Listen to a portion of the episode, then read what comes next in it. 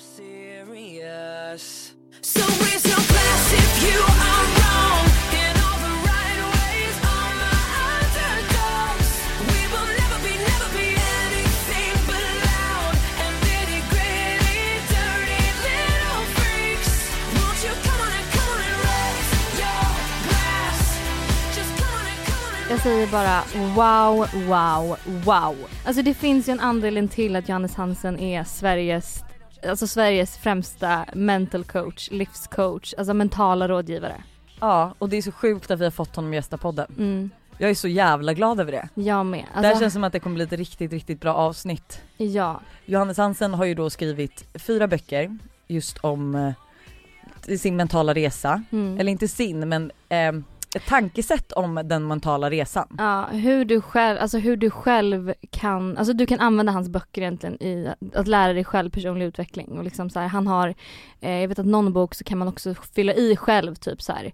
Eh, han ger dig liksom en utmaning som man själv ska liksom fylla i i boken för att liksom bli den bästa versionen av sig själv. För att våga göra det man drömmer om, för att liksom tro på sig själv och liksom allt det här och han är så duktig och så grym och jag har ju lyssnat på så mycket intervjuer han har varit med eh, liksom, på tidigare. Jag har själv haft en session med honom eh, och jag har läst hans bok eh, Starkare. Han har skrivit Tough Love, Fuck Your Fears, Peppa mig eller Flytta på dig och nu som han släppte 2020 Starkare. Mm. Och han har ju även en podcast, Mm. Johannes Hansen podcast, där han pratar om alltså massa intressanta ämnen. Mm. Jag lyssnade på hans avsnitt med Framgångspodden och kände bara wow och jag började även lyssna på hans podcast och kände så här wow. Mm. Han föreläser ju mycket så han har ju då med, eh, det tycker jag är väldigt roligt för då får man höra, i hans podd så har han mycket med så här, eh, ens, eh, de som är på föreläsningen och de ställer frågor och så svarar han på dem. Och det är mycket så här, problem och tankar som man själv kan känna igen sig. Och vet du vad jag älskar med honom och hans tankesätt? Är att när man tänker, alltså för mig så här som inte är så inläst på en vad en mental coach är eller en rådgivare liksom som ska maxa ens potential är. Då ser jag framför mig någon som liksom är så här, eh, alltså typ lite, inte logisk. Medan allt han säger, Mm. Det makes so mycket sense Mm, liksom. Jag fattar vad du menar. Allt han säger är så här, åh gud tack för att du säger det här. Mm. Jag får känna så här i min resa till att nå det här målet. Mm. Det är helt Och det är normalt. så enkelt, alltså Ja. det är, och många av hans citat också tycker jag sätter sig på hjärnan direkt. Ja. Alltså verkligen så här. Det är liksom, det sätter, jag har så många grejer som jag har fått ifrån just honom för att han är så spot on och verkligen är så här. Nej men det sätter sig, du liksom kommer ihåg det. Och vet du det senaste som då han har sagt som har satt sig på min hjärna? Berätta. Vem har sagt att det är roligt att utvecklas? Mm. Och jag har också en och det är att eh, mod är en muskel, det är inget du föds med liksom. Men gud, vi välkomnar in Johannes Hansen och Ja. alltså, vi, nu kommer vi lösa era problem höll jag på att säga, men vi kommer svara på era frågor och Vi kommer ha en varsin eh, kort eh, session du och jag också. ja men alltså För att nå vår fulla potential. ja, liksom. och jag kan känna så här, hur perfekt att starta måndagen precis så här.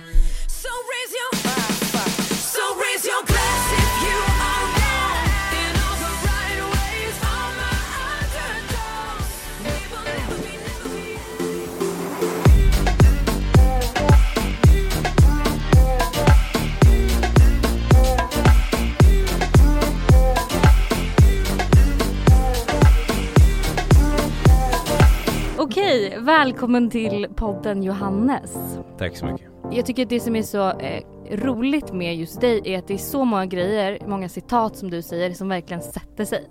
Mm. Alltså som jag kommer ihåg. Jag tycker man kan lyssna på mycket livscoacher ehm, och liksom sådana som jobbar med personlig utveckling.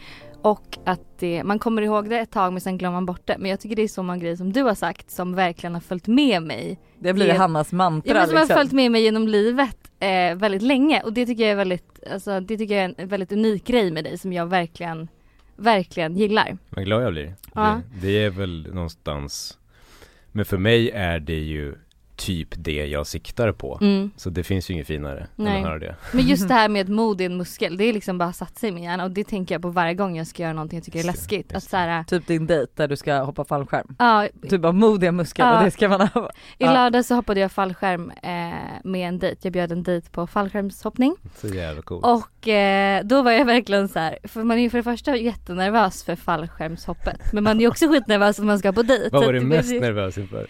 Ehm, jag tror nog jag var mest nervös inför att sitta i den här bilen till fallskärmshoppet i en och en halv timme. så innan liksom. Ja. Ehm, men då fick jag liksom tänka så här hela tiden, jag bara mod är en muskel, du kommer utvecklas du kommer känna nästa gång kommer det bli lättare när du gör det här. Så att, Men det är så sant.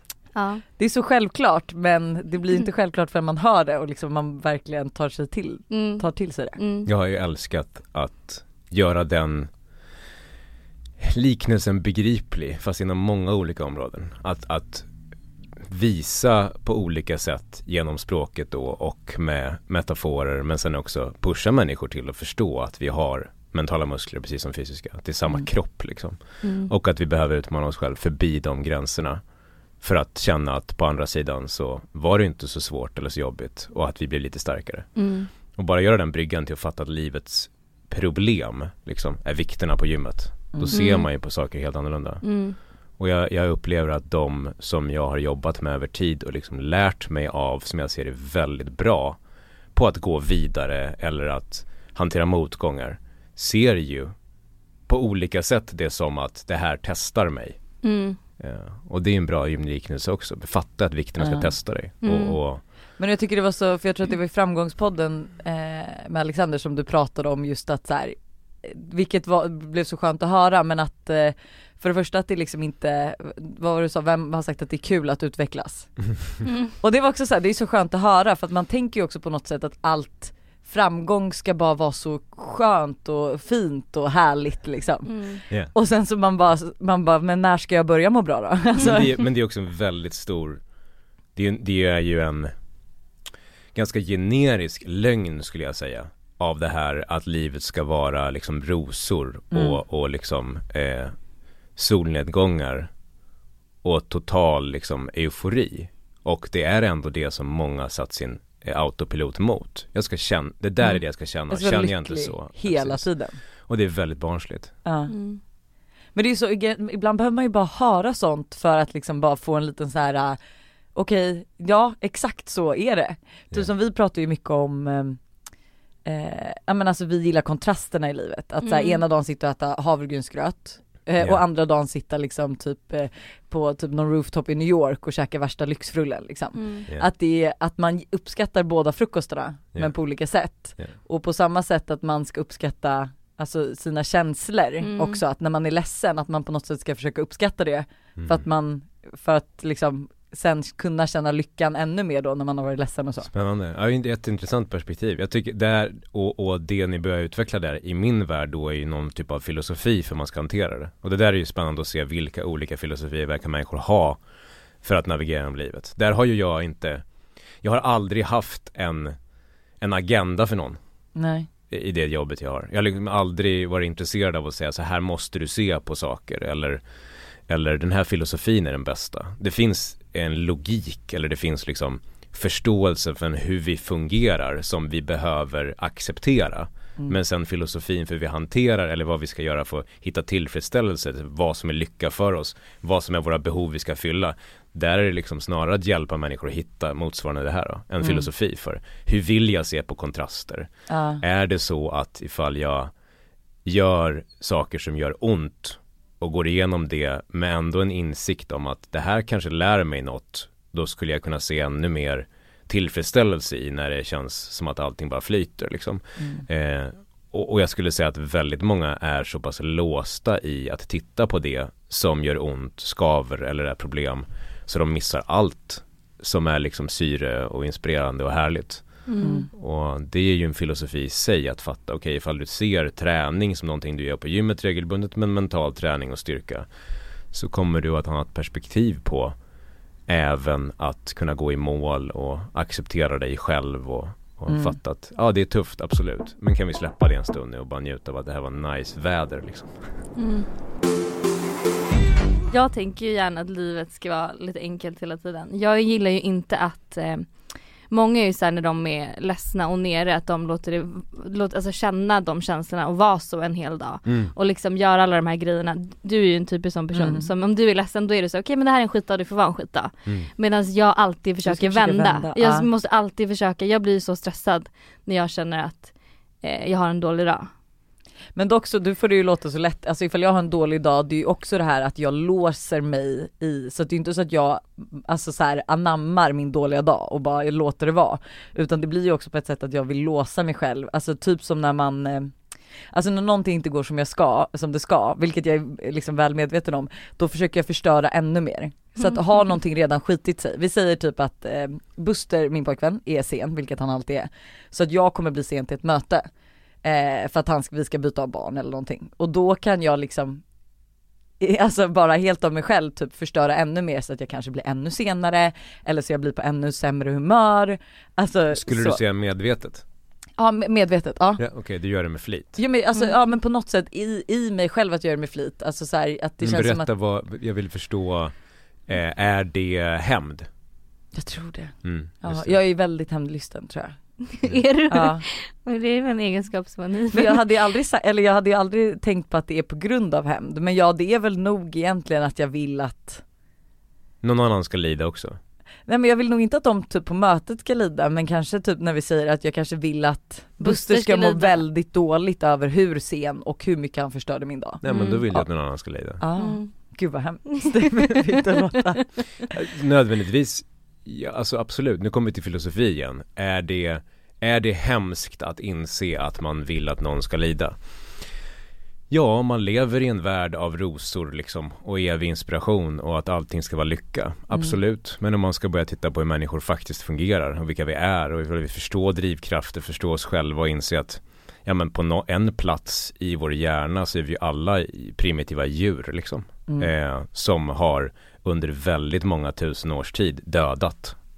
Liksom. Mm. Jag tycker Louis CK säger det så bra i ett skämt han har han säger Det enda som hindrar människor från att, från att döda Det är att det är väldigt olagligt att döda det är sig sant. om det, hade varit, om det hade varit lagligt och döda så hade alla dödat Ja. Vi hade till och med sett ner på dem som inte dödade Jag tycker The det är, jag hade, jag tycker det är väldigt, eh, och det är roligt att se din reaktion Jag tycker det Anna, låter apropå obehagligt. Ja, Jag vet, men det är Jag klart blir livrädd. och det är väl samma sak nu oss lyssnarna, vissa kommer börja gå igång på det och känna så här såklart Ja, precis så är det och Mm. andra kommer känna Va? Vad hemskt, herregud, vad säger du? Så känner jag. Eh, och, och det jag, jag tycker är viktigt när det kommer till det här är ju Det har ju inte varit intressant för mig, när det kommer till så här att utmana människor, det har inte varit intressant för mig att utmana människor Det är bara att jag använt begreppet utmana eller fysisk styrka och träning på gymmet För att det ska vara bli begripligt Mm. av vad jag gör Mm. jag ser det ju inte som att jag utmanar någon Därför att det, det här är ju min vardag, det är som en PT tänker ju inte på att man håller på att pusha folk, den tänker att man måste göra det här för att bli stark Mm.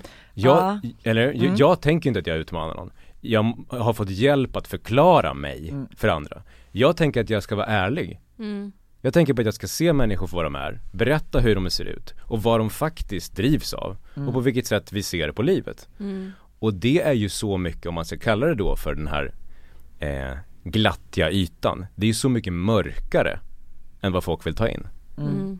Vi drivs ju av hur mycket olika primala drivkrafter som helst hela tiden Mm. Och om vi inte erkänner det för oss själva, då kommer vi gå runt och ljuga för oss själva Mm. Istället för att terapeutiskt jobba igenom det jobbiga Och inse att fan, det finns mycket mörker i mig alltså eh, Och sen inser man också på andra sidan av det, aha okej, om jag förstår varför jag drivs av hämnd där till exempel Eller varför Mm. jag eh, vill någon illa ibland Eller varför jag går jävligt djupt ner och känner det fan kanske inte meningen att jag ens ska leva Varför då?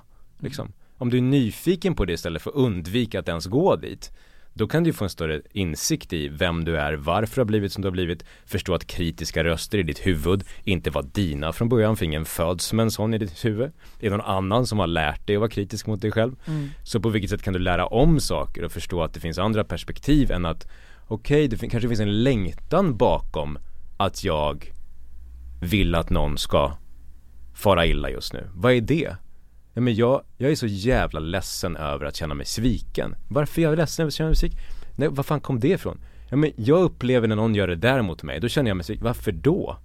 Ja men det kommer ju egentligen från den där situationen hur jag växte upp och kände att konstant så var jag aldrig i centrum, det handlar bara om mina föräldrar. Och så hittar du liksom ett mönster som du börjar förstå.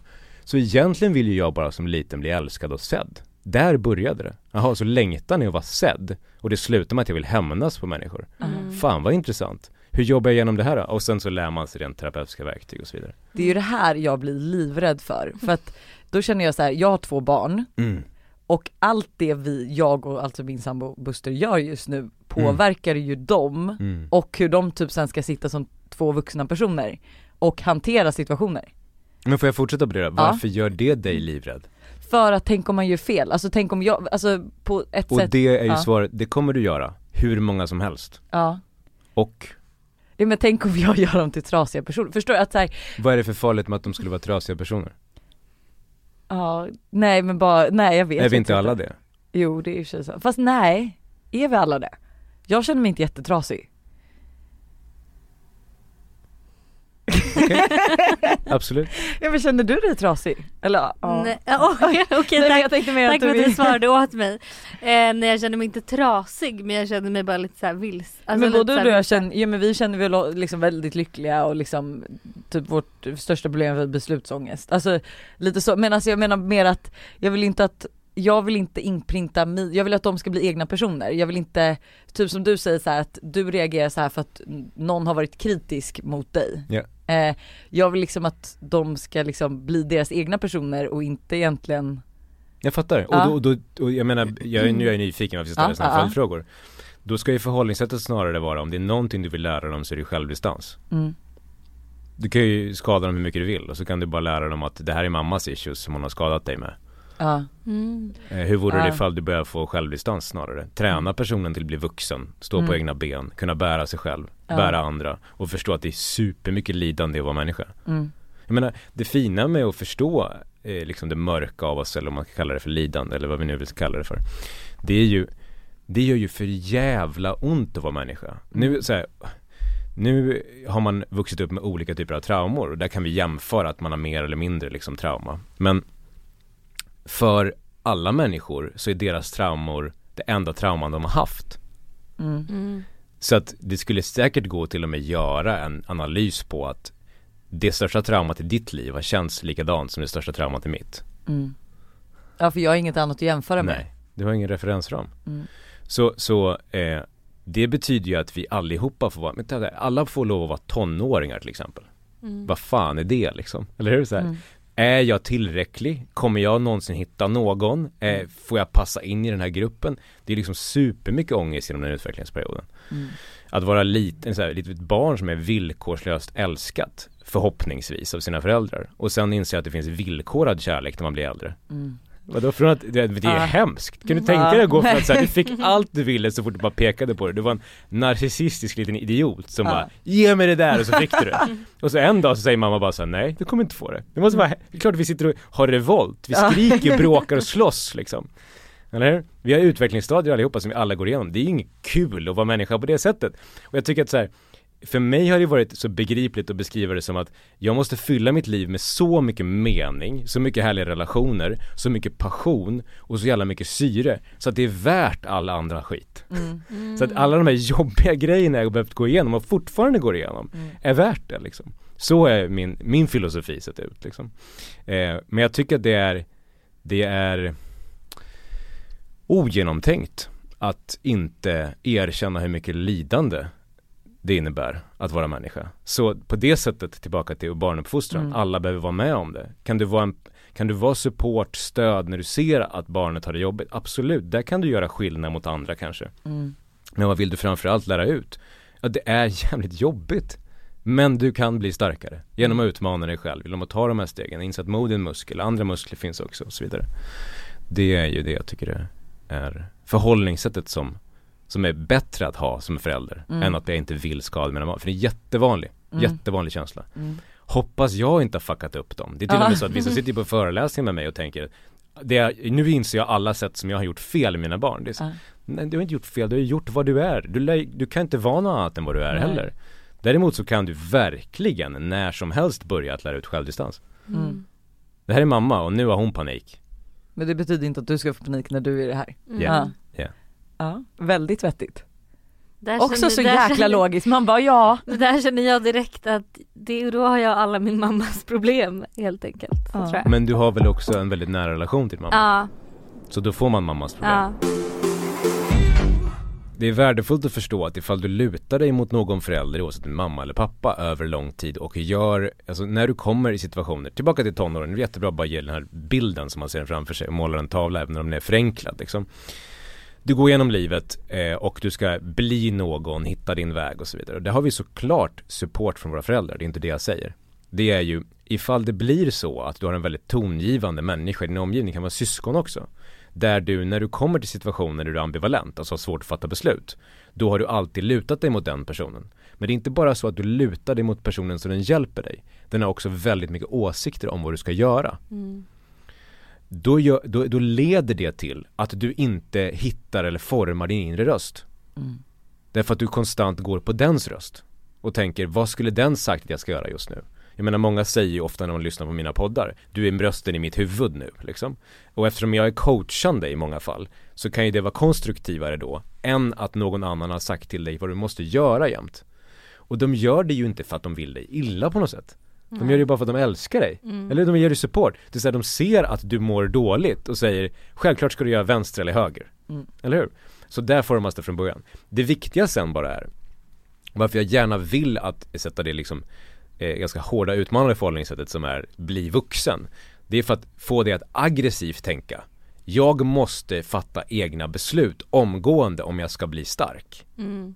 Därför att de musklerna har du resten av livet. Problemet annars blir ju att när du kommer i alla situationer ska du luta dig mot någon, kanske inte mamma, men andra. Det kanske blir en framtida pojkvän. 100 procent, För att du- 100 för att ankny- bli det. Anknytningen du har nu är att någon annan ska fatta beslut åt dig. Mm. Och problemet du har med det är att du kommer känna dig vilsen jämt. Mm. Mm. Och det är ingen känsla du vill ha. Den är Nej. inte skön liksom. Men och det här har du också sagt att så här, eh, man måste fatta sina beslut själv för det är du som måste leva med dem. Mm. Men alltså hör du hur, men, men tänk ja. vänd på det också. Vänd på det för det här är det, om vi ska nu skrämma folk tycker jag är härligt. Mm. Vad händer om du inte fattar besluten själv då? någon annan bestämmer ditt liv. Ja. Och vad händer när det går längre tid i ditt liv?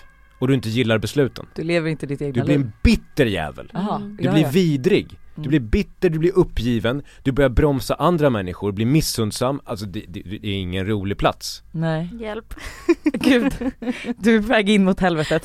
Så här, men det, det är en viktig poäng Ja. att säga att, Ja. sen kan det bli svinbra, eller hur? Det är inte det jag säger. Jag säger bara att ifall du börjar märka tendenserna av det och du är intresserad av personlig utveckling, Mm. träna beslutsfattande. Mm. Så det, är- det är inte den här möblera om ditt liv för alltid och allting du gör är fel. Utan det handlar snarare om att, vänta nu, kan vi hitta ett par som jag ofta då, speciellt när jag jobbade med, med klasser i skolan för länge sedan, eh, då var det att komma in och hjälpa dem att fatta sina första självständiga beslut. Kan det vara Mm. någonting att du väljer vilken väg du går till skolan? Är du? Mm. du kan välja att du ska, du vill plugga det här ämnet, inte det. Du vill, jag menar jag tycker det är skitbra de här exemplen oftast när, när någon från, eftersom jag kommer från Borlänge och landsbygden vill flytta till stan liksom, och någon stad så säger föräldrarna flytta till den staden och så vill man flytta till någon annan stad istället. Att du gör det då, Mm. trots att de även kan tänka sig att betala lägenheten på andra stället. Mm. Så att du gör det och får känna att det blev bra. Mm. Alltså det finns ju ingenting bättre än att inte göra som dina föräldrar vill och det blir bra. Mm. För då är det för första gången bevisat att jag kan stå på, jag fattar bra beslut. Mm. Och det vill du ju hitta, för att om det är någonting som du tjänar på sen resten av ditt liv är att vara bra på att hur kommer jag fram till vad jag vill och när det känns rätt, då gör jag det. För vad är hela kompassen för syre i livet? Vad är det viktigaste du kan för att vara sjukt inspirerad över lång tid? Det är att följa inre längtan, alltså de här visionerna. Ibland har du, du vet de här sekunderna när du ser jag älskar liknelsen till amerikansk fotboll, men man man har sett den här när, när man ska ka- göra ett, göra ett kast som går liksom hela vägen till någon, hela vägen, som ska liksom gå för att springa sjukt långt med bollen och sen så hittar de kastet som gör att de tar poängen. Mm. Det här när luckan öppnas i ditt liv, ibland ser du på en föreläsning, du läser en bok, du träffar någon person och så vet du, det är det där jag ska göra. Mm. Alltså det är så jävla självklart för dig.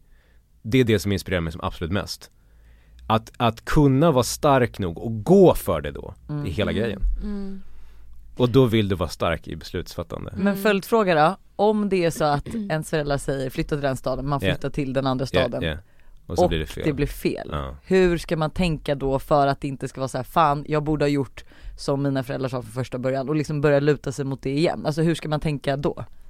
Jag skulle börja med att tänka, vilket, där är superrimligt att det skulle kunna hända också. Mm.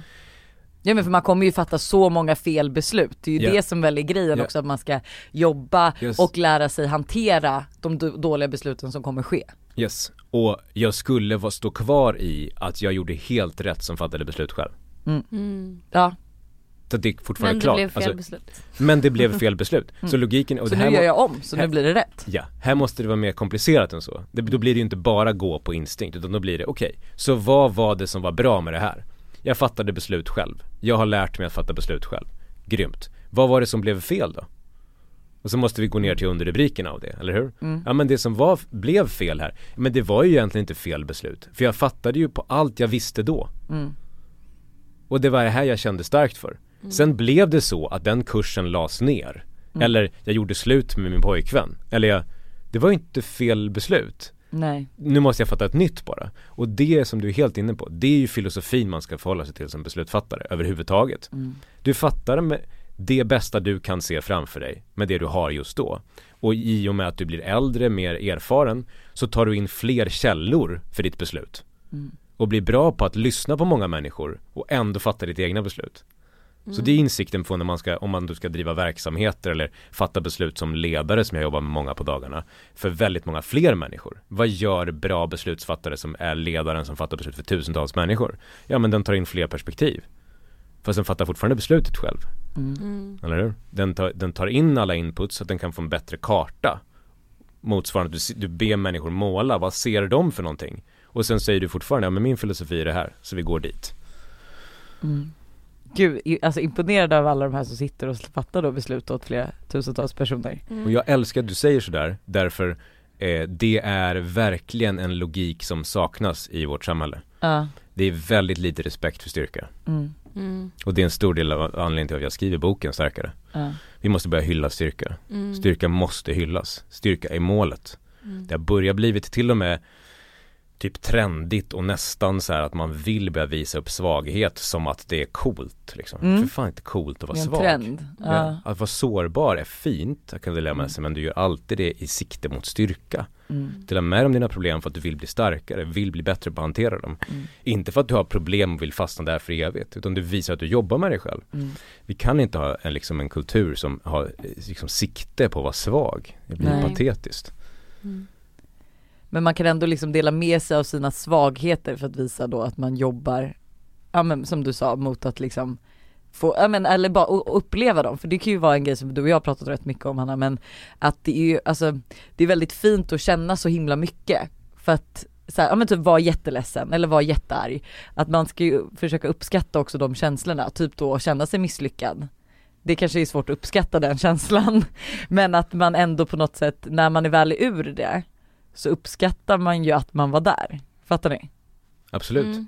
För det, bruk, för det brukar ju vi säga, Mm. typ i alla fall när det har varit hjärtekross och så, att man kan ju ibland liksom tänka tillbaka och le lite på att så här, men gud när liksom ens första pojkvän var otrogen typ, om hur dåligt man mådde och man bara satt och åt glass och lyssnade på musik och grät. Och jag kan ju ändå kolla tillbaka på det nu och le lite och vara så här, gud vad fint att man var så ledsen.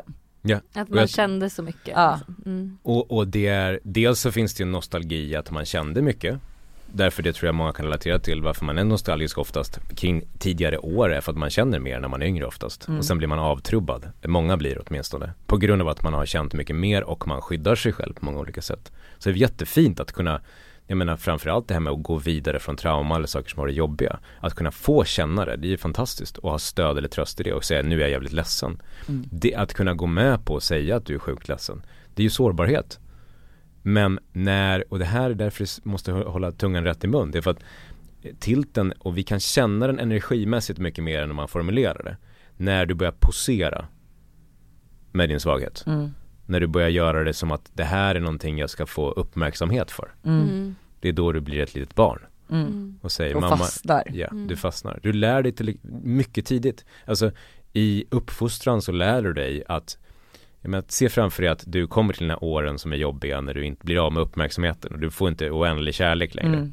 Då börjar ju barnet tänka, hur fan ska jag få kärlek nu då? Eller uppmärksamhet. Om jag inte får kärlek, då ska jag åtminstone få uppmärksamhet. Vad ska jag prova på för något? Mm. Och så har vi olika, vissa stökar till liksom. Så då får de uppmärksamhet. Andra sitter och läser och är duktiga och då får de helt plötsligt beröm eller uppmärksamhet. Mm. Vissa inser att, ah, mamma ser mig först när jag har stora problem. Mm. Så jag ska alltså lära mig att formulera stora problem. Jag ska Mm. vara väldigt ledsen för då får jag mycket kärlek. Jag hade nämligen också en EFT tapping session igår, vet du Mm. vad det är? Ja absolut. Ja. Eh, så att idag känner jag mig skitstark och bara gud jag kan visst ta egna beslut, jag kan visst, Ja. jag har, alltså jag är stark, jag är tillräcklig och Ja. allt det där. Nice. Men jag vet ju att eh, min relation till mamma det är det som har Men så liksom- här, kan jag bara få, få ge ett svintydligt råd i det där? Mm. När du är i, på det här, i det här tillståndet nu, Mm. okej. Första motståndet du nu möter, när du skulle vänta dig till mamma, Mm, fortsätt själv. mm, mm. Då har du praktisk träning, så Mm, gör man. Mm. Ehm, men jag känner ju verkligen igen mig allt som du sa om så här, relationen till ens förälder och att de har hela tiden skyddat mig från att ta egna beslut. Och de har hela tiden varit, ehm, ja inte låtit mig, de får också mig att få dåligt samvete varje gång jag inte gör som de vill, mina föräldrar. Ja. Ja det är Vilket så gör man, att det blir jättejobbigt för mig att ta ett beslut som inte de håller med om Men- för då får jag, då får jag dåligt samvete. det är ju så, det är man också min, låser det är in det sig min, själv. ja, det är det min, som är Men mitt är Men det det där de- är så här, för mina föräldrar är också så, alltså det är ju så här som när jag skulle börja bli influencer, alltså Mm. Gud du skulle sett min pappas min, alltså det var Mm. inget han var liksom väldigt så här, jätteglad över i början. Nej. Men och det är ju där, Och alltså, så ska jag säga också, men det var ju rätt också säger jag. ja men och sen men nu är han ju, men och jag tror att det är det där att så här, som vi pratat om så mycket att du vet att du var tvungen att liksom fråga din mamma om typ eh, råd när du skulle köpa present till Ja, kompisar. alltså jag kunde ringa min mamma förut och ringa så här, Mm. och fråga vad jag ska köpa, ska jag köpa det här eller det här? Jag kunde inte ens ta ett sånt Pra, beslut. pratar du med din mamma om det här? Eh, jag försöker göra det, men hon är väldigt, Men jag tror Det- hon tycker ju att hon fattar de bästa besluten Ja. för Hanna. Mm. Hon är så inprintad i det så hon vill ju också, Så det är hon är snarare lite hon medberoende. som kanske behöver gå och, Höra det här. gå och prata med någon, hon borde typ prata med dig Hannes. Ehm, Men, men, Ja. men jag tycker att det är spännande, för det jag undrade egentligen var eh, om hon reflekterade kring det, om hon själv kanske hade erfarenheten av att hennes pappa eller mamma gjorde samma sak med henne. mm. För det där är ju också bara en, oftast en kopiering liksom Ah, av anknytning Ah. genom generationer. Ja och, men att jag har ju en alltså alla föräldrar gör ju som dina föräldrar gör. Mm. Alltså mina föräldrar har också gjort så mot mig bara att jag kan ju till och med veta liksom när jag slutade lyssna Mm. på dem. Det är Mm. därför man har tonårsperioden. Det är Mm. hela grejen med Ja. tonåren. Du, ska, du ska börja hata dina föräldrar och du ska Mm. säga att de kan dra åt helvete. Nej men du, jag började ut, göra tvärtom. Mm. Allt det de sa, ifall de ville att jag skulle göra på ett sätt och jag kan fortfarande ha den, att jag gör lite tvärtom. Mm. Alltså som ett riktigt barn dock. Mm. Det är ju också, jag har ju problem känner jag nu. Jag sa att jag inte hade problem. Men att jag oftast ifall någon, alltså det här är ju Buster lärt sig att ifall han säger någonting att han vill att jag ska göra något, då vet han att så här, säger han det här då kommer jag göra tvärtom. Ja. Mm. Och alltså att det, för att dina föräldrar har ju varit precis som mina föräldrar. Mm. Bara att du har ju också tyckt att det var en trygghet. Mm. Och hela idén är att man ska tonåren få göra revolt Mm. och sen ska man landa i vem man är. Mm. Jag Och gjorde du- aldrig revolt. Du gjorde aldrig Nej. revolt Nej. och du landade aldrig vem du är. Nej, vad bra! Vilken duo! Därför att annars som, som du säger, jag menar man kan ligga i ett känslomässigt mönster som är tvärtom.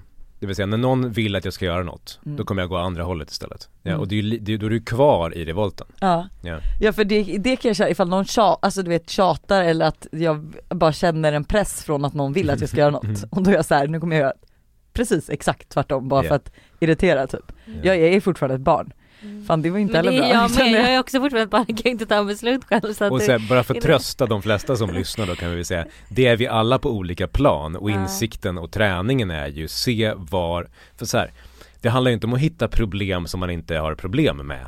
Eller hur? Nej. Behöver, inte göra det. Människor som jag är ju intresserade av att göra det ändå. Mm. Liksom. Finkalibrera och hitta liksom, vad, hur slipar man det här och framförallt inte jobba med problemen lika mycket som vilka möjligheter du har. Eller vad, vad skulle du kunna frigöra för te- potential på andra sidan om du jobbade med den här styrkan. Sånt tycker jag är inspirerande. Men, men för den sakens skull inse snarare de här ja, men vardagliga utmaningarna man har beror ju ofta på att man hittar en sån här punkt Mm. som vi gör Mm. nu liksom. Okej, det där är en del av det. Ja, intressant. Vad var det jag inte tog tag i då eller skulle kunna träna upp nu? Hm. Ja, hur gör man då då? Ja, så här. Okej. Så Mm. då går man liksom till gymmet. Jag har svaga vadmuskler. Ja, men då gör man så här. Mm. Bra, och så gör man det en stund och ganska snabbt så märker man en väldigt stor skillnad hur man kan hantera situationer och sig själv. Mm. Och det är det som är sjukt inspirerande. Mm. Men alltså förstå då att, alltså eventuellt att du känner dig vilsen nu, för det gör ju du rätt ofta. Mm. Eh, för du är ju väldigt öppen om det också på Mm. alla dina sociala medier. Mm. Men att det är liksom för att, Men kan vi inte lösa den också bara? Att jag känner mig vilse. Ja men det gör du ju inte Vi snackade kort om det på kontoret, du är ju inte vilse, eller bullshit Nej men jag vet att, jo jag känner mig Men du älskar ju sådär gråta ut kring, Åh, nu, har, nu saknar jag det här, eller nu är det här men det jobbigt känns som du för vill mig känna efter nej. om någonting saknas i ditt liv. Att du är så här, alltså det är typ, förstår att du är lite för att eh, jag bekvämt. tänker för mycket. Ja men typ, du men tänker gör, för mycket. Gör hon det? Alltså, är det inte nu, åh, vore det inte så härligt att bara få prata om ett problem jag har? Att det händer för lite, är du, har för lite Det är det drama? ena, det andra var, nej Ja. det andra är, eh, du har ju lösningen på det där, men du vill ju inte konfrontera den. Så berätta istället, vad är det du vilsen i nu? Så gör vi det här. Eh, nej men jag känner mig vilse. Nej men grejen är att idag dock så känner jag Jag mig typ vet, inte så vilse men för att jag gjorde den här tappingen och jag bara gud det känns, jag känner mig så. Men berätta istället då, det är bättre vi gör så, eh, eftersom du har gjort tappingen, Mm. eh, vad är det som är självklart nu, som du var vilsen i förut? Att jag behöver inte veta vad jag vill. Mhm. För, Varf- varför inte då? för att så länge jag, man behöver inte alltid veta vart man ska men så länge man så här är ehm, Gud vad pratade vi ens om? För nu kommer jag bara ihåg det här problemet med min mamma men eh, att jag, eh, också lite så här att saker och ting eh, kommer till mig när jag är på rätt plats. Mm. Ja. Så att jag behöver inte, eh, jag är liksom inte riktigt en person som eh, ska så här, söka mig till grejer. Utan saker och ting liksom hamnar på mig när jag Ja, är i rätt plats i livet. När jag har bra energi, när jag känner att så här, men nu är livet nice så kommer liksom grejer till mig. Lite. fattar. Jag skulle säga att det där är två olika saker bara. Därför Jaha. det vi pratade om som du inte visste vad du vill, det handlar ju med karriären att göra. Ja, ja, men det har du också. Ja men så det där är ju ett jättebra förhållningssätt kring att man känner känslor i kroppen. Mm. Alltså så där, det här är jobbigt för mig just nu, eller jag är i en fas av livet där de här sakerna knackar på, eller jag undrar egentligen vad saker och ting handlar om. Alltså Mm. jag ser det som att det är existentiella frågor som är ganska stora Mm. och då är det ett jättebra förhållningssätt. Att se Mm. det som att Ja men det kommer komma till mig, jag kommer lära mig de sakerna jag behöver längs vägen. Mm. Människor jag vill träffa kommer jag se när jag är i bättre tillstånd. Mm. Jag tycker det är ett jättebra förhållningssätt. Mm. Men vi har ju också till det övergripande, liksom, vad ska jag göra framåt? Mm. Det vill du väl fortfarande veta? Ja, för jag, det är det jag kan känna. Jag vill inte så här vakna upp en dag och känna, gud, eh, jag har inte gjort någonting. Eller det känns som att jag står och stampar på samma ställe. Och, Och det har jag det. känt väldigt länge. Att det känns som att jag står på samma ställe och liksom stampar och inte kommer någonstans. Och då kan det vara både i så relationer, att här, jag är fortfarande singel, har varit i sju år typ. Ehm, och att jag liksom jobbar med samma sak, har gjort det sedan jag var 14. Ja. Att det känns som att jag eh, inte eh, kommer någonstans. Och sen Och, det, kan- i men det är karriär- jättebegripligt. Ja. Eller? Det är ju superbegripligt. Mm. För att det, det stämmer ju. mm, Du har ju velat göra saker länge som du inte då har tagit nästa steg på. Ja, men fast då vet jag inte heller riktigt vad egentligen är det jag vill göra då. Det vet jag inte. Och Så- berätta vad då, för sättet man gör det på är att man pratar ju fortfarande om underrubrikerna till det. Vad, du vet inte exakt vad det är du skulle vilja göra, men Nej. du vet vad det skulle innehålla. Eh, ja det är väl i så fall frihet, eh, jävligt bra betalt och Pengar. Ja men jag, för sist Och- vi pratade på kontoret i två sekunder så var det ju att snarare, jag tjänar inte tillräckligt mycket pengar på det jag gör. Sa jag det då? Ja Mm. men för det känner jag, jag vill ju tjäna mer pengar. Ja, och det är väl jättebegripligt, vill för många fortfarande- känner inte igen sig i det. det är väl, men däremot är vi också i en kultur, ofta när jag, när jag i alla fall pratar med människor här i Sverige, så är det ju någonting man typ nästan aldrig ens säger. Nej. Jag vill tjäna mer Ja, det är pengar. så, alltså det är så Alltså- tröttsamt också att det är Mm. Ja, så det är tabu. så jävla svagt, återigen. Mm. Jag vill tjäna mer pengar på det, ja varför då? Nej men för att det finns ändå en inkomstnivå jag skulle vilja ha för jag skulle vilja göra de här och de här och de här sakerna. Mm. Ja bra, har du skrivit ner det? Nej det har jag inte gjort. Nej. Nej. Varför inte då? För det, det är väl en grundförutsättning för att kunna titta på vad du skulle behöva göra framåt. Mm. För det känns också läskigt kan jag tycka att så här, liksom, om någon frågar, ja men okej hur mycket pengar vill du ha på kontot? Ja. Och då vågar jag nästan inte säga vad jag skulle vilja ha för att det känns som att så här, hur ska jag nå dit? ja. När jag inte har några mål. Ja, Mm. när jag inte vet vad, Där vilken känner jag också väg jag igen ska mig ta. så mycket att man bara, ha okej men då sitter jag och väntar här på att någon ska servera det till mig. Mm. Men vad säger det begripliga eller logiska för er då? När ni, när ni, alltså kon, ni måste ju kontra röster i huvudet som säger Men det finns väl ingen som någonsin satt ett mål som vet hur man ska nå dit? Nej. Nej, Det är väl typ hela grejen med Mm. mål så, så Mm. vettigt sagt. Mm. Man bara, Mm. Alltså det är så här, jag, jag får ju vissa som säger Jag saknar förutsättningarna för, för att göra det där Men det är ju typ Det är ju det man gör när man Mm. sätter mål Mm. Annars hade du inte behövt spänna musklerna. Det är väl samma sak som att säga, jag ska inte lyfta, jag ska inte ha målet att lyfta 100 kilo. För jag klarar bara 30 idag. Ja, Är du nej. hjärndöd? Ja, så, Det är väl för fan det som är grejen. Ja. Så att du kan börja träna de musklerna du behöver. Så att jag menar i alla handlingsplaner tillsammans med, med entreprenörer jag sitter med på dagarna så har ju alla helt omöjliga mål. Mm. Det är ju grejen. Annars Mm. kommer de inte ens träffa mig förmodligen. Vi kommer Nej. inte börja jobba tillsammans om de inte ska göra helt absurda saker. Nej. Mm. Så att då börjar man med att sätta upp absurda mål Mm. och sen så gör man handlingsplaner för man ska närma sig dem. Mm. Men om man aldrig går med på eller vågar sätta målet Ja för det är lite där kanske jag är då. och då vet du vad du ska göra Ja, för du har lärt dig att mod är mål. muskel. Ja. Och du ska inte fråga din mamma om råd? Nej. Nej framförallt ska du inte fråga mamma om råd för mamma är eller också hur eh, Eller någon jag- annan för den delen? Jo men man ska väl ändå ta in, alltså, men jag ska själv ta beslutet. Alltså jag måste, jag kan ändå fråga om råd men så länge jag själv gör beslutet. Mm. Men- Sen finns det ju så mycket, alltså, det är ju inte så att du inte har byggt upp saker eller att du inte är på en plats där du skulle kunna kapitalisera på möjligheter. Nej. Tillbaka till det. Så att ifall någon hade bara gjort, det vill säga träffa, som jag skulle gjort om jag varit du, träffa några olika typer av inspirerande personer som du tycker har kapitaliserat på det de gör. Mm. Och prata om på vilket sätt de har lagt upp det Mm. och vilka steg de tog, Mm. vilka människor de jobbar tillsammans med, Mm. vilka råd de har tagit. Mm. Och så har du en handlingsplan också. Mm. Mm. Fucking gör det bara. Ja, nu jävlar. Nu jävlar. För mig känns det som att mitt liv handlar om att vara produktiv och effektiv. Så att egentligen så är jag produktiv och effektiv först och sen handlar mitt liv om att njuta när jag är klar med det. Så att vi kom, jag kommer hem och det jag fokuserar på är okej nu ska jag mata, laga mat, laga mat, laga mat, mata barn, plocka undan mat, eh, eh, fixa allt så att allt är klart så att jag är sen i zen-mode kan gå och sätta mig i soffan. Eh, hur ska jag göra det här så fort och produktivt som möjligt? Och så slutar det oftast med att man försöker göra massa saker samtidigt och det blir katastrof liksom. Och frågan är till mig, Hur slutar man fokusera på det? Alltså hur slutar man leva efter förväntningarna man Ja men lite som att du lever eh, väldigt mycket så här. Du lever inte när du gör de här grejerna. Nej. Typ jag kan ju stå och laga mat och tycka att det är jättetrevligt att laga mat. Ja. Att jag kan så här leva, vara i det och bara så här, gud det är så mysigt att laga mat, hacka lite grönsaker och liksom att jag ändå kan njuta av det. Mm. Medan du, eh, gör, alla de här måstena som du har, vill du bara få överstökat så att du sen kan, göra vad jag vill typ? ja men jag vet inte om det är fel. Och jag, Jag har, tror, jo, leva jo, så. jo för att det är det, alltså i alla fall om som det jag liksom tolkar frågan så är det ju, för jag kan ju också känna det att, det här har jag, samtalet har jag rätt mycket med min pojkvän också, men att liksom, jag är ju väldigt eh, Alltså gud, jag är ju en hemsk person. Nej det är det inte. Nej men han är ju väldigt mycket, alltså såhär, men kan vi inte bara lägga oss och kolla på en film och mysa liksom. Medan jag blir ju då den här som bara, nej men vi måste göra allt det här först. Så kort tid som möjligt, vi kan ju inte njuta medan vi städar.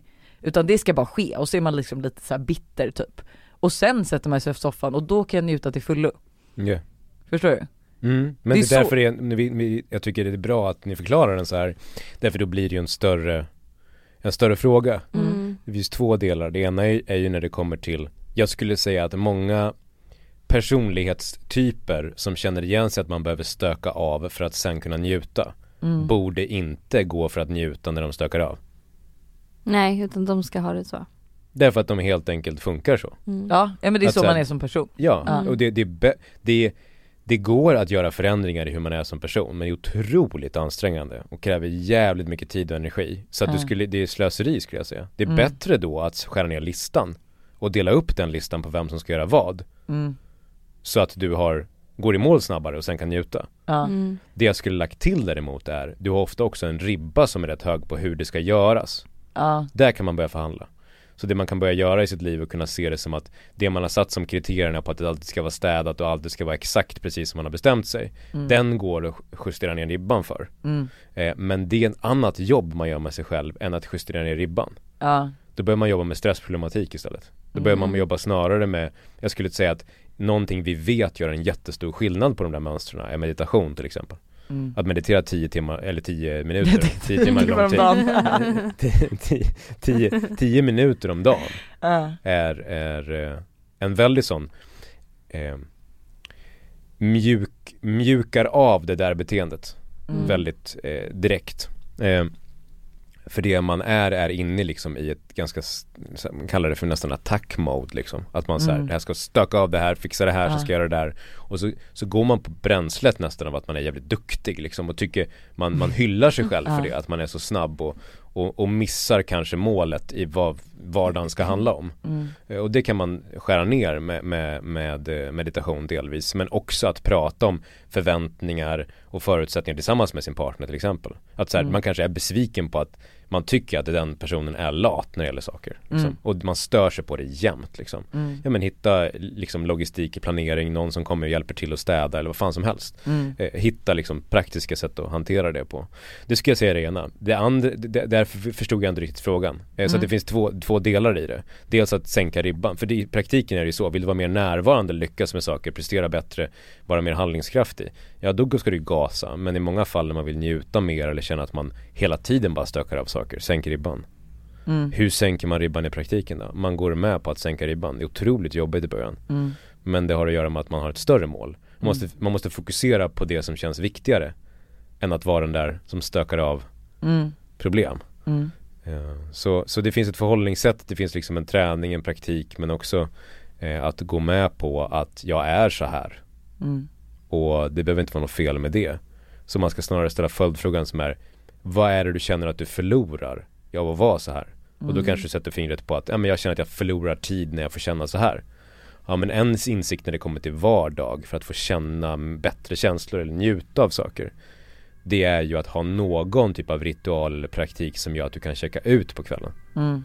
Så kan det vara att du tar en promenad tillsammans med din partner kanske. Kan det vara att du lyssnar på någon jävla bra låt du gillar som gör att du liksom ändrar mode. Kan det vara att du kör stretchpass som brukar funka, funka för många. Mm. För att liksom komma in i kroppen på något sätt liksom.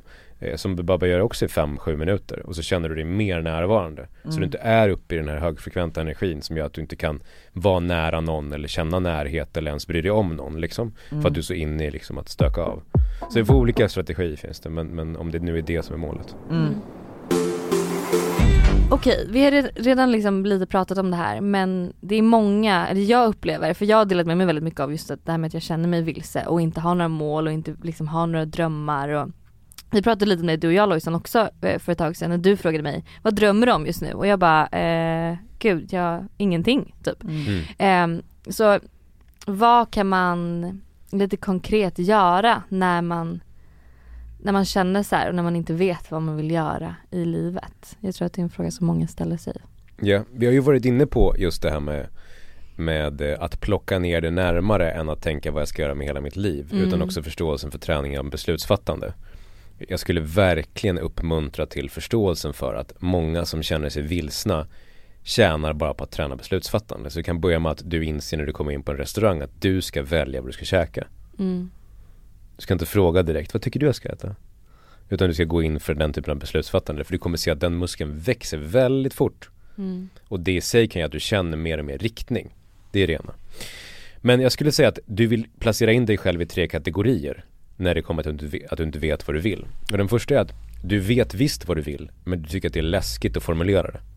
Mm. Det är det absolut vanligaste. Det vill säga att du vet faktiskt och ifall man skulle börja, börja nysta i det på olika sätt som vi var inne på alldeles nyss. Alltså, du kan Mm. hitta att du kastar ut några saker. Jag skulle vilja det här. Eller jag ser den här riktningen. Eller jag, jag skulle faktiskt vilja åka dit. Eller jag, det kommer viljor.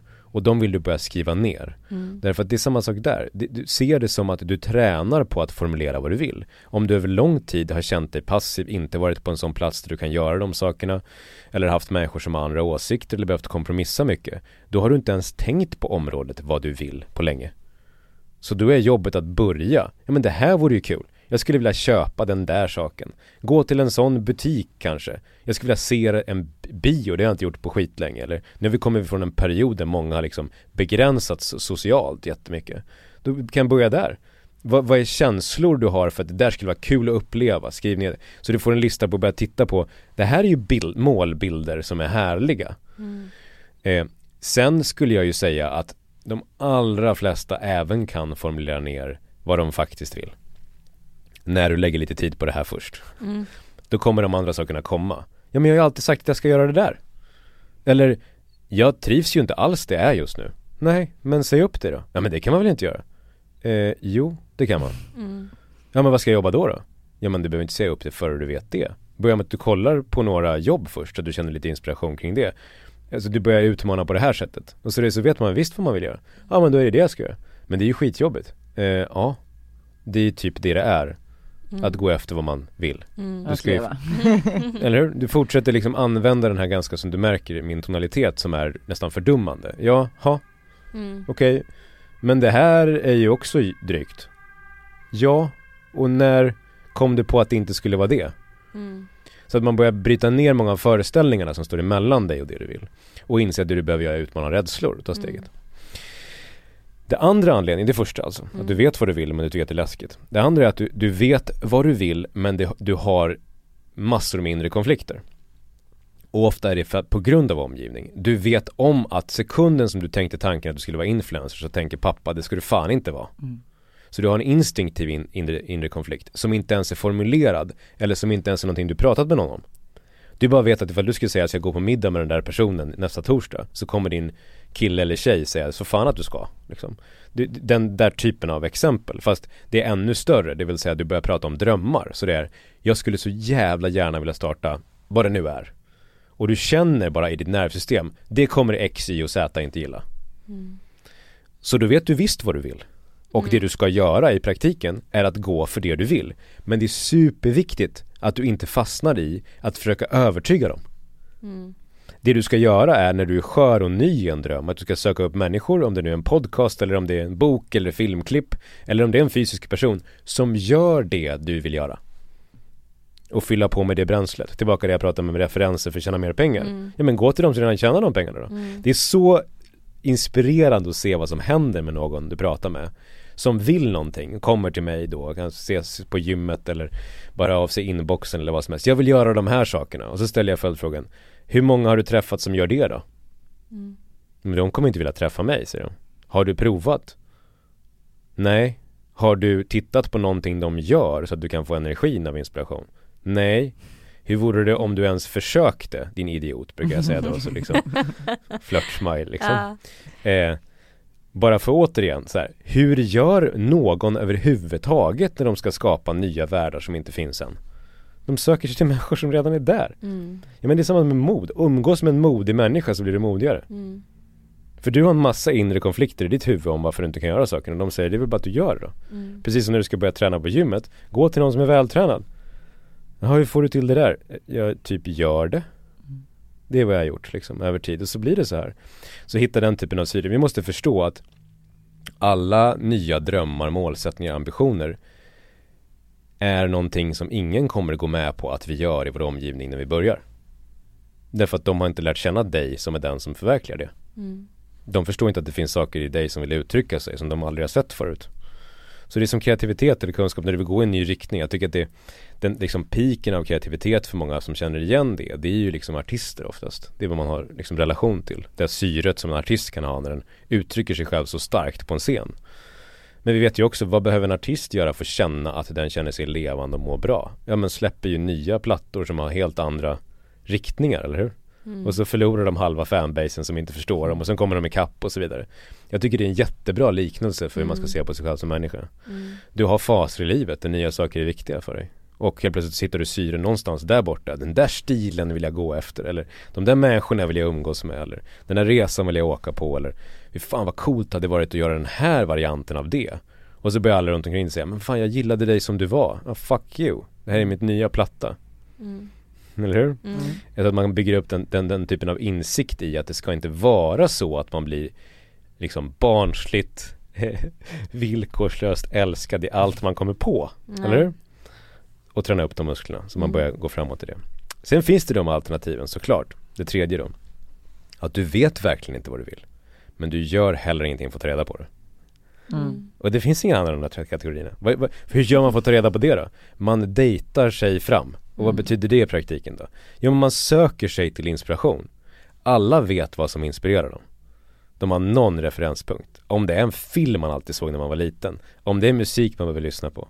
Om det är klipp återigen, om det är poddar. v- vad det än är som ger dig inspiration. Vad händer med dig när du är inspiration? Vad tänker du på då? Vilka saker kommer upp för dig? Skriv ner och fånga. Och så ska du förstå att det är så man gör. Mm. Så det här som känns så jävla långt borta kanske, eller som känns så inte du, det är ju vad som vill uttrycka sig genom dig. Skriv ner det. Och så börjar du se att det formas en karta av vad som är nästa steg för dig. Så att du behöver inte vara orolig för att inte veta vad du vill. För det är inte problemet här. Problemet är relationen till andra människor, bygga styrka i dig själv, fatta beslut och följa längtan. Mm. Det var ju det lite jag insåg faktiskt också när jag gjorde den Ja, här du insåg allt det. Nej, Nej jag men när jag gjorde den här tappingen Ja. med att så här, äh, ja det är så mycket, det ligger ju i lite hur jag känner mig beslutsfattande och att jag känner mig otillräcklig och att jag liksom inte riktigt vågar ha de här målen som Ja. gör att jag inte vet vad jag vill. Mm. Och För att det, egentligen för att så du- vet jag det. Mm. Och när jag är med i en podd med dig nästa gång Då har du faktiskt skrivit ner de där målen och tagit då kontakt med de där personerna Och förverkligat saker Mm. så att du tjänar mer pengar Mm. Eller hur? Ja, Ja. 100 procent. Fett ös. Nu händer det. Nu händer det.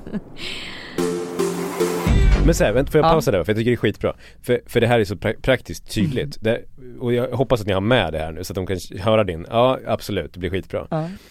För det är helt eh, orättvist att förvänta sig av dig att du ska vara hyllande Mm. Och det är här jag menar med styrka Du Ah, ska, okej, jag inte, du, du du ska, inte, Du- du ska ja. inte vara hyllande När hon säger, ja igen, om det nu är 50 gånger du hör henne säga nu har jag hittat det Mm. Eller hur? Du ska, varför ska det vara det? Ja du har absolut Fast ska man inte det vara där och bara, Ja men så här, det, Ja. det är mycket rimligare att du är den andra Mm. Sen kan man ju sträva efter att vilja vara den där personen Men det är ju bättre att du är som typ nästan alla är Mm. De kommer ju vara absolut, när du visar att du gör någonting coolt så kommer jag tycka att det är coolt Mm. Men varför ska du sitta här och någonstans belöna Låtsas, hennes eh, känsla för att Jag hittade något igår Ja absolut, Mm. jag menar du vet ju många som går på föreläsningar med mig kan du tänka dig Och som kommer hem och som ska frälsa hela världen Eller hur? Säger till sin partner det första de Ja. gör, ja nu vet jag, nu är allting klart ja. Varför ska partnern säga ja absolut och Ja. applådera? Nej visst, när du visar att du har förändrats, absolut Mm. Mm. När du har gjort de här sakerna, jag är med Mm. Men det tycker jag är fint, jag vet att barnet i oss är ju ledsen över det Jag är genuint ledsen över det jag, alltså, jag, är, jag kan bli så jävla sorgsen när jag tänker på att ingen belönar min styrka förrän jag är stark Nej.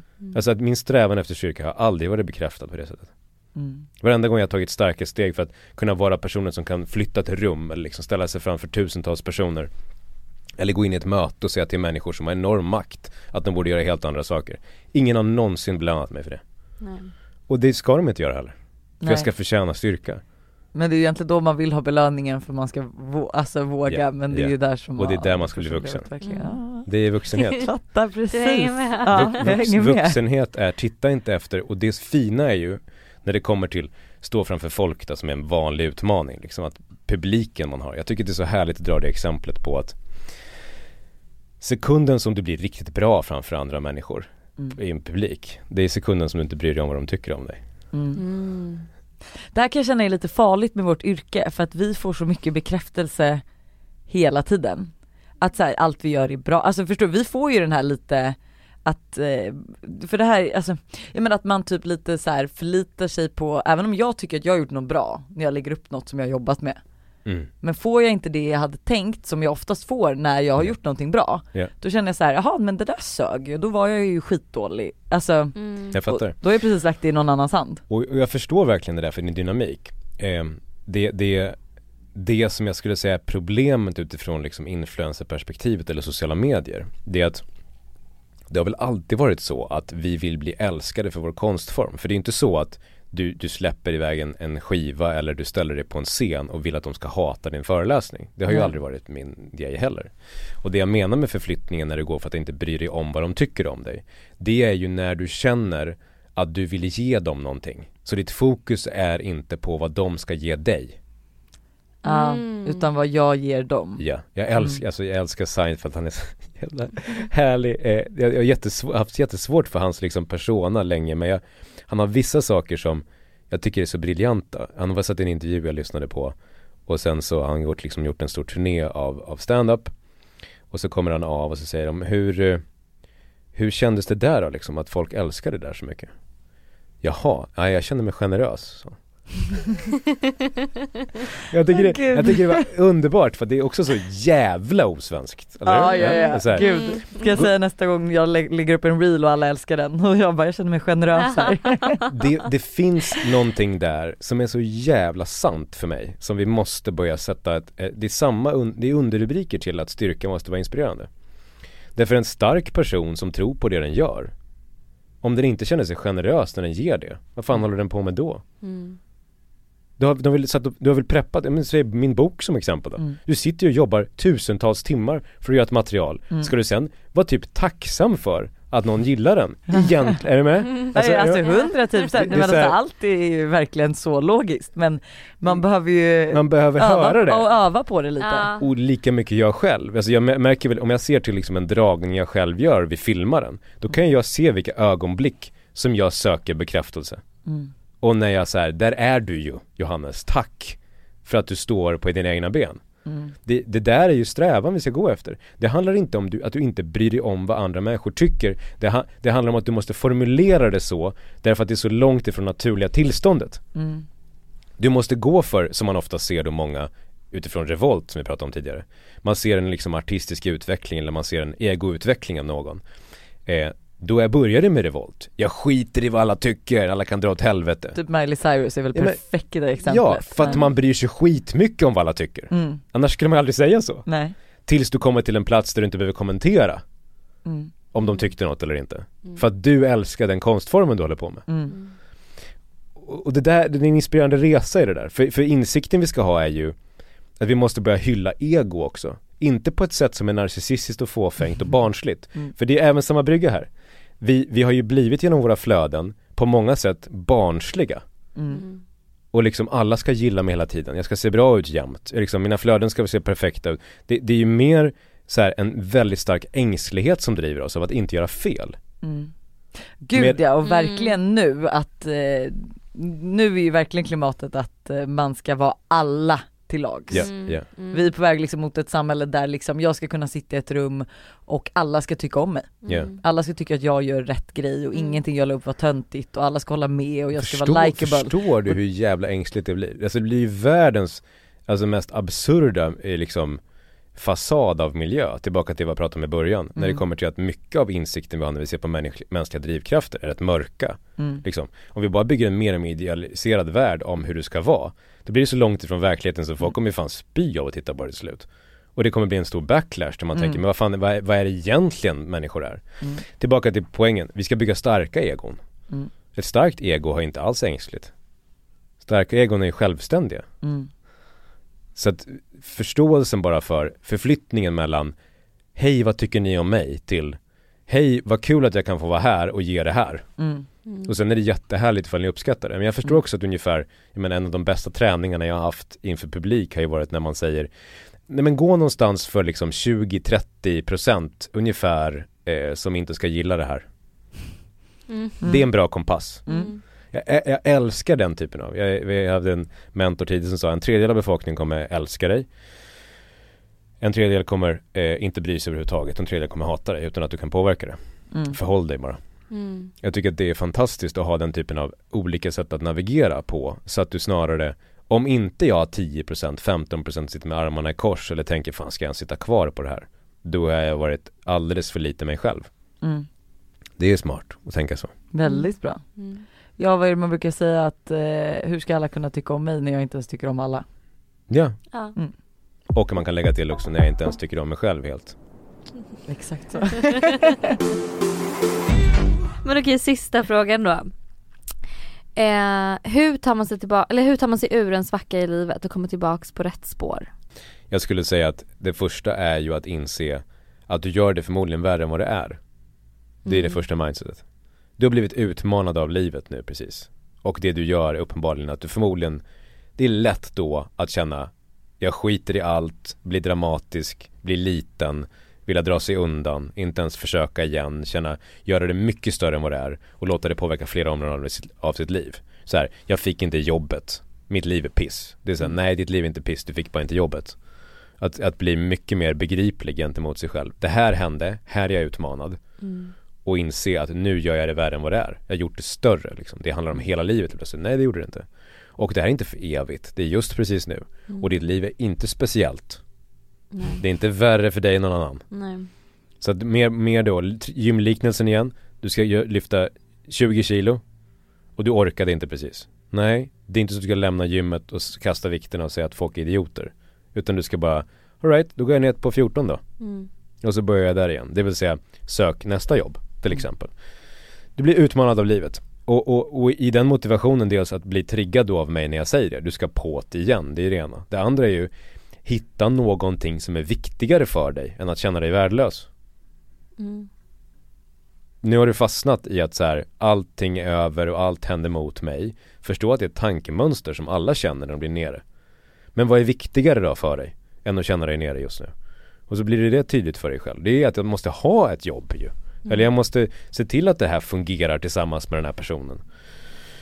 Eller jag ska in i en känsla av att livet är kul igen. Ja, det är viktigare för mig. Alright. Så då kommer nästa steg, beroende på hur jobbigt trauma eller motstånd du har så kan du antingen bara upp på det igen och utmana dig själv igen Eller så behöver du support på något sätt Alltså få coachning, få, få terapeutisk rådgivning eller liksom få hjälp i det Men under hela perioden skulle jag säga återigen Det som händer när vi känner oss utmanade eller nere Ja då drar vi oss undan från allt som brukar göra oss bra Mm. Därför att vi blir små, Så att det bara ska bli, allt bli Ja. ännu, för man tycker synd om sig själv ja. eh, Och då drar man sig undan och man blir dramatisk och man attackerar alla som försöker hjälpa dig Mm. Och då ska man sluta attackera dem och man ska gå med på att det är bara för att jag är ledsen och besviken Då måste jag få känna mig ledsen och besviken en stund Men nu ska jag fan ut på det igen och då måste du söka dig mot inspiration Fysisk rörelse är svinbra, träning och så vidare Alltså Mm. bryta känslomässiga mönster genom fysisk aktivitet, Mm. smart Mm. Så att jag ser det sådana exempel men det är ju lätt att googla sig till när man har kommit över det första steget som är jag måste hitta viktigare saker än att känna mig värdelös Mm. jag måste förstå att, att, att för att må riktigt jävla dåligt så måste jag vara sjukt självupptagen. Det går inte annars. Mhm. Mm. Och det är därför vi har problem med sociala medier och psykisk ohälsa. Man tänker ju självklart att när man mår dåligt eller när man är i att man ska fokusera på sig själv. Ja. Men det är det man inte Helt ska tvärtom. göra. Ja, Mm. helt tvärtom. Gud. Du ska ut ur dig själv, Ja. inte in i dig själv mer. Och det är Det är insikt. så, ja har jävlar. något att Ja det har på. vi verkligen något att tänka på. Mm. Men ska man liksom få tycka synd om sig själv? Eller ty- Absolut. ja. Jag tycker du ska ge dig själv utrymme för saker. Men det finns, det är den här balansgången som är viktig. Mm. När ältar du och när bearbetar du? Mm. Och jag skulle säga, känn, men känn då ordentligt tack. Mm. Ligg inte och liksom eh, Halvmjäka. Nej men så, det, det i praktiken, absolut. Ligg inte liksom på och puttra Mm. på bitterhet i 15 år. Var så jävla arg och besviken på allt i en vecka eller två. Gud, Det- alltså det vi skulle kunna sitta här hela dagen Ja jag. gud ja, Det, verkligen. det är ju vad jag gör ofta. Ja. Sitter så hela dagen. Ja. ja men helt, eh, alltså ja jag vet inte vad jag ska säga ens. Nej. Jag tycker det är jättebra avsnitt, alltså verkligen. Ja. Eh, och alla som vill ehm, eh, följa dig och ehm, liksom ta reda på mer om vad du gör och vart du finns så finns du ju på Johannes Hansen Instagram. ja, och johanneshansen.com är hemsidan eh, och sen har du Starkare boken som är den nya senaste. Ja. Men sen Mm. finns även Den som jag sitter Love. här framför. Ja. Ja. Som jag fick en liten pik i. Nej Ah. jag skojar. jag fick en sån också. Så. Och Nej, sen mm. i närtid nu så kommer vi också släppa pilot på eh, mina första eh, online träningsprogram. Okej Ah, gud, vad kul. Det kommer bli riktigt kul. Ja. Så det kommer finnas ute på johanneshansen.com också. Och annars så har vi podden.